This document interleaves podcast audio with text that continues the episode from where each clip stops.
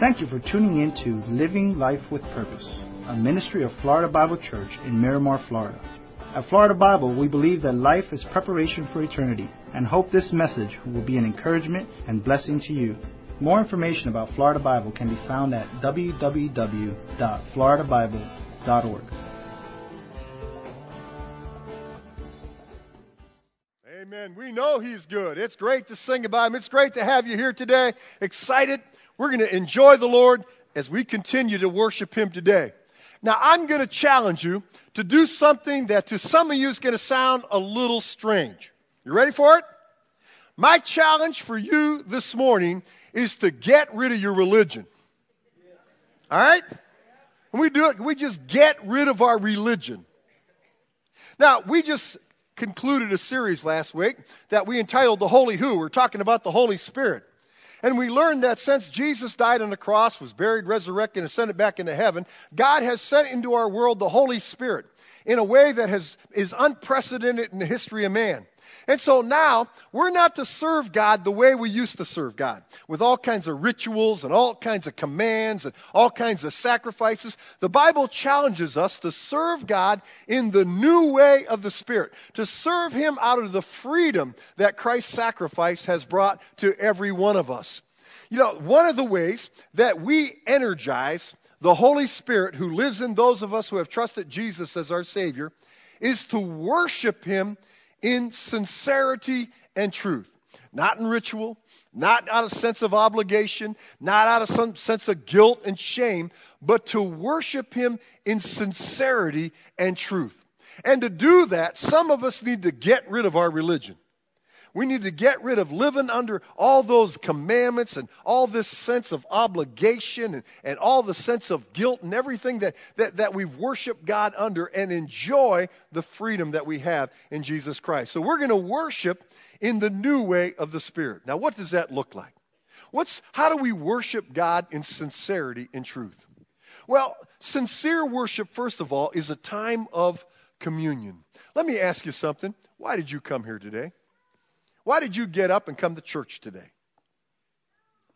I'll bet a lot of us, well, it's Sunday, right? Look, it's on my iPhone, Pastor. Church, 11 o'clock, Sunday morning. Yeah, it's what we do. It's Sunday. We're supposed to come to church. But how did you come? With what expectation did you come? What did you consciously think of when you got up today, got dressed, got in your car and drove to church? What were you anticipating? David got it right when he said in Psalm 42 2, My soul thirsts for God, for the living God. He asked, when, when can I go and meet with God? That's what worship in the Spirit is. It's not about, it's almost time to go, got to get dressed, got to get to church, got to do my thing, got to check the box. No. How many of us had any conscious thought when we came today of thirsting for God?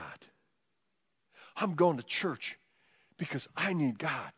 I'm going to church because I want Him to be the center of my life. I'm going to church because I want the Holy Spirit to have the controlling interest in my life. I'm going to church not to be religious, not to be ritualistic. I'm going where God is, not some God of the pagans, but the living God who is alive in the world and who is alive in me through the presence of the Holy Spirit. See, worship is communion with God. It's entering into his presence. It's coming with an expectation that he's going to talk to us and that he's going to move us and that he's going to challenge us. That's sincere worship of God. Sincere worship is a time of cleansing. We live in a dirty world, don't we? We live in a world that's a cutthroat world at work, and it's a world where the moral values of society are deteriorating more and more every day. It's, it's a world of political intrigue. It's just an ugly world that we live in. And as we brush shoulders with the world, we can kind of sense that we get dirty with it, don't we? And sometimes we have some temptations that we fall to, and, and that always makes us feel dirty and unclean before the Lord. But when we come to worship, it's a time for cleansing. It's a time for renewal. It's an opportunity to get right with God again. David says in Psalm 51 17, the sacrifices of God are a broken spirit. You know what sacrifice God loves more than any other sacrifice? It says a broken spirit, a humble spirit, a broken and contrite heart, oh God, you will not despise. Some of us battle some significant battles in our life, and we've been battling for a long time. Sometimes we're not successful at resisting them.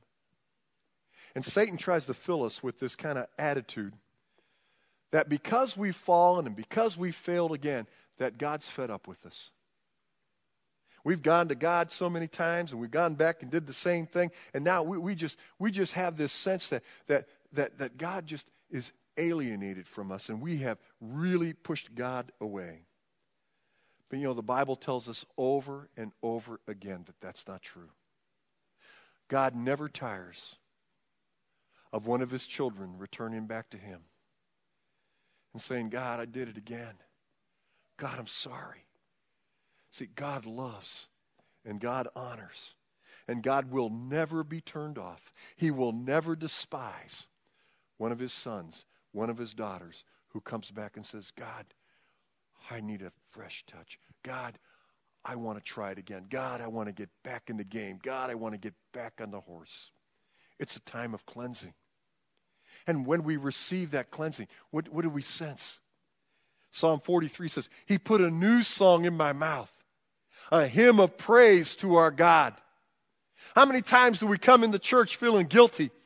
But we praise God and, and we listen and we, we surrender our hearts to His Word and we leave with a new song in our mouth. You ever have a new song in your mouth after leaving church? You ever feel better than you did when you came in? See, that's the result of the Spirit of God working in your life and working in your heart because you were hungry for God and you came to commune with God. Sincere worship is a time of community. Look what the Bible says in Psalm 122 2. Our 1. I rejoice with those who said to me, read it with me, let us go to the house of the Lord. What's it say? Let us go. Look what says Psalm 95 6. Come, read it with me. Let us bow down in worship. Let us kneel before the Lord our Maker. See, God intends worship to happen in community. Now, can we worship in isolation? Can we worship by ourselves? Of course we can. We can worship God when we're driving the car. We can worship God when we're sitting in the backyard. We can worship God when we're mowing the grass. We can worship God when we're doing the dishes. But there is an element to worshiping as community that God sees as critical to our spiritual, emotional, and even physical health. We worship in community. It's so important when the family of God gets together. That's why Hebrews 10:25 says, "Let us not give up meeting together as some are in the habit of doing, but let us encourage one another, and all the more as you see the day approaching." And again, that day is capitalized because what it stands for and what it's talking about is the return of Jesus Christ. And he says, "Don't forsake coming together in that community to worship me. It's so important. It's even more important as the days come and why? Because the Bible says that as that day approaches, things are going to get worse and worse and worse. The world's going to get uglier and uglier and uglier. And we need to gather together for encouragement. We need to gather together for mutual hope. We need to gather together to support each other. And that's what happens in corporate worship. How many agree the world's not getting a better place, huh? It's getting worse. And so we worship in community. Let me tell you something. When you're not here as a member or regular attender of Florida Bible Church, when you're not here, we are not the same. When you're missing, you might think, oh, I'm just one of a hundred or one of hundreds. No, no, no, no. When you're not here, it's just not the same. Think about Easter. Easter's that one of those Sundays when the A, B, C, and D crowd all come to church at the same time. We're packed out. People are standing around the sides.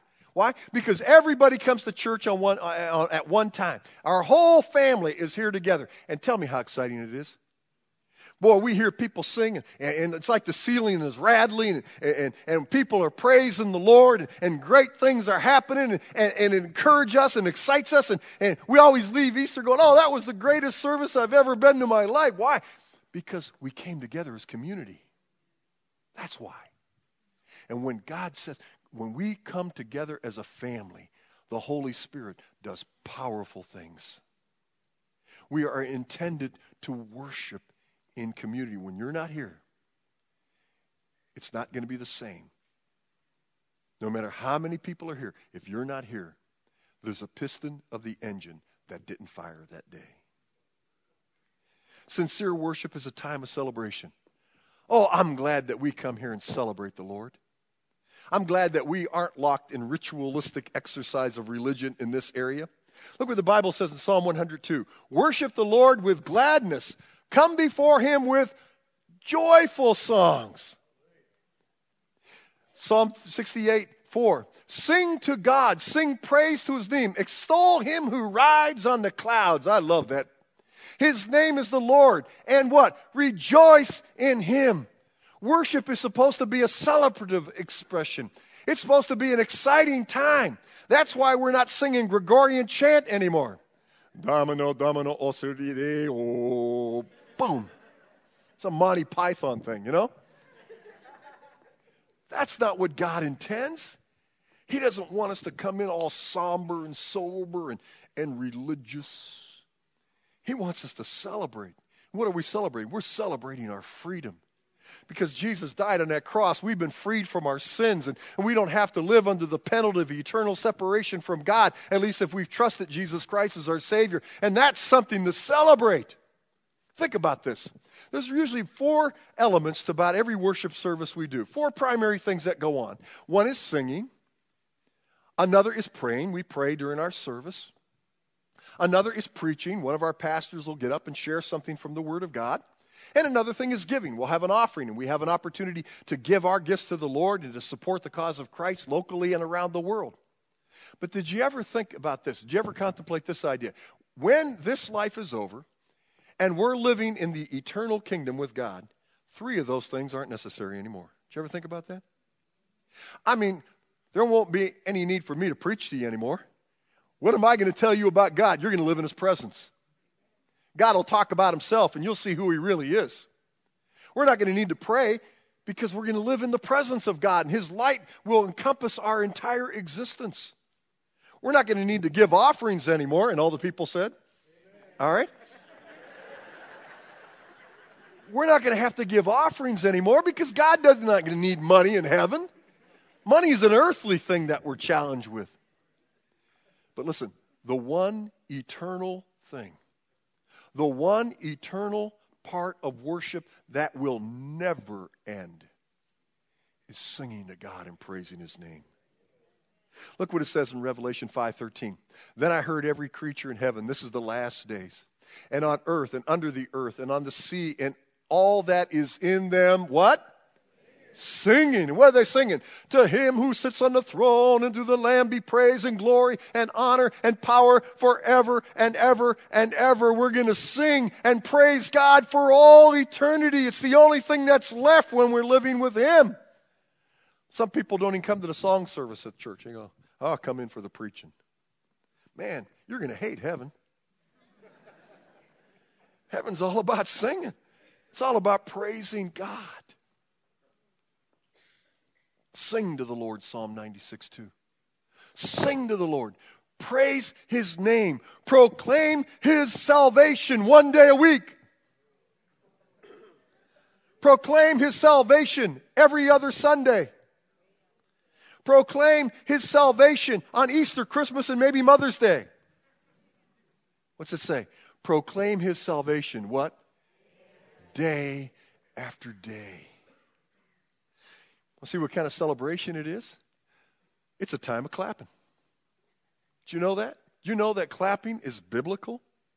Look what it says. It says in Psalm 47 1 Clap your hands, all you nations. Shout to God with cries of joy. Some people get really unnerved by clapping in the service. Oh, we shouldn't clap in the service. It's a holy place. The Bible says it's okay. And God inspired the Bible. Who am I to contradict God? Now, this isn't something that should be done artificially. It's not like going to a concert and clapping for the, the recording artists. It's not like going to, to the theater and clapping for the actors and entertainers. It's not like that. We're not clapping for the praise team. We're not clapping for Linwood. We're not clapping for. But sometimes the Spirit of God gets a hold of us in such a powerful way that we just want to thank Him. And we just got to lift our hearts and sometimes we just we just break into spontaneous truth saying, "Yes, I agree. Yes, God, I know it's true. Yes, God, we thank you for what's going on and for what you're doing in our life." It's an expression of thanksgiving. It's an expression of joy that accompanies the service. Now, do you have to do it? No, you don't have to do it. But if we're led to do it, there's nothing biblically wrong with it. It's a time of commission. What's commission? Well, Webster defines commission as a task or matter entrusted to one as an agent for another. Now, think about that in light of worshiping God. It's a task or matter entrusted to one as an agent for another. In worship, I'm saying, God, I am entrusting you with my life. God, I've tried to run my own life and I've done a horrible job. God, I've tried the world's way and it's turned out bad for me. God, I've tried this, I've tried that, I've experimented here, I've experimented there, and you know what? Every time I do, I come back to this fact that you do it better than I do. And so, God, I am entrusting my life to you. You be my life agent. You control my life. You guide my life. You show me what to do and where to go and who to talk to. I want the Holy Spirit to have the controlling interest of my life. Now, one of the ways that people convey that to God is by lifting our hands in praise. Bible says in Psalm 28 2, Hear my cry for mercy as I call to you for help, as I what? Lift up my hands towards your most holy place. What is it? What's all that lifting the hands about? Well, when done, when the Holy Spirit directs us to do it, and again, this could become a religious thing. This does not mean on the first beat of the song, boom, hands up you know. No. But as the Holy Spirit moves us and we're moved and we're connecting with God because worship is communion with God. And we feel His presence and we sense His presence and we know that He's moving and stirring our souls. It can be a natural sign of trust. God, I trust you. Look, I'm opening up myself. It can be a symbol of surrender. It's, it's the international symbol of surrender, right? But it's a spiritual symbol sometimes too. God, here, here I am. I'm open to you. I surrender. We sang it in the, in, in the early service. I surrender all. I surrender all. All to Jesus. I surrender. I surrender all. It's a sign of reaching out to God and welcoming Him into our life, just like our little children will stand before us and they will lift their hands and say, Daddy, Daddy, pick me up. Mommy, pick me up. And they'll hold their hands up until we do. Why? They want connection. And the people of God have used this as a symbol of sign of trying to reach out and connect with God for hundreds and hundreds and hundreds of years.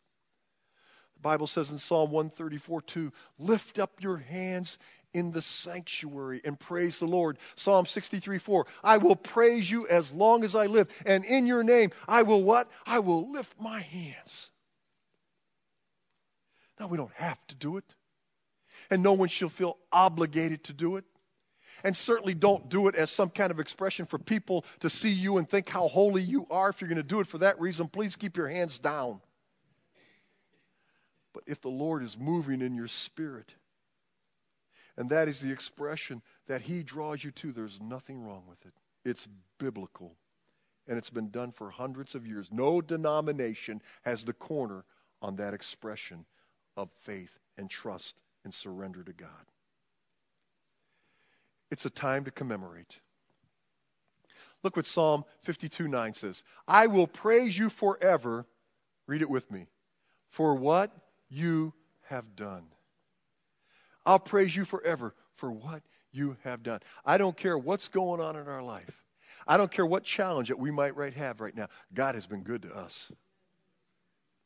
God has blessed us. God has protected us. God has empowered us. God has given us provision. In the good times, in the bad, God has been good. And we come to worship to acknowledge that. So we don't fall into the trap of having an attitude of, God, what have you do for me today? I don't care about what you did for me yesterday. What are you going to do for me today? When we come to worship as a community, thirsting for God, cleansing, the end result is thanksgiving. And we lift our hands and we lift our hearts and we lift our souls and we say, I will praise you for what you have done. Get rid of your religion. Get rid of obligation. Get rid of ritual. Get rid of ceremony. Instead, worship God in sincerity. Commune with Him. Allow Him to cleanse you. Join and be part of the community of God as we together do powerful things through the Holy Spirit. Clap our hands, raise our hands, and thank God for what He has done. Let's stand and do it right now in the spirit of true sincerity. Thanks for listening. Here at Florida Bible Church, we believe the first and most important step in life's journey is a personal relationship with Jesus Christ. So the question is, how about you? If you haven't started this relationship, you can use this model prayer. Jesus, I do want to begin a relationship with you. I know that I have sinned against you and cannot save myself. So right now, I ask for your forgiveness of all my sins and I accept you as my personal Savior, believing that you died on the cross and paid for all my sins. Forgive me now, and please give to me your precious gift of eternal life. Amen. You can find this prayer along with more detailed information on our website at www.floridabible.org. Just click the Beginning a Relationship with Jesus button. There you will also learn more about us and find the next steps for a Christ follower. Thanks again for listening to Living Life with Purpose.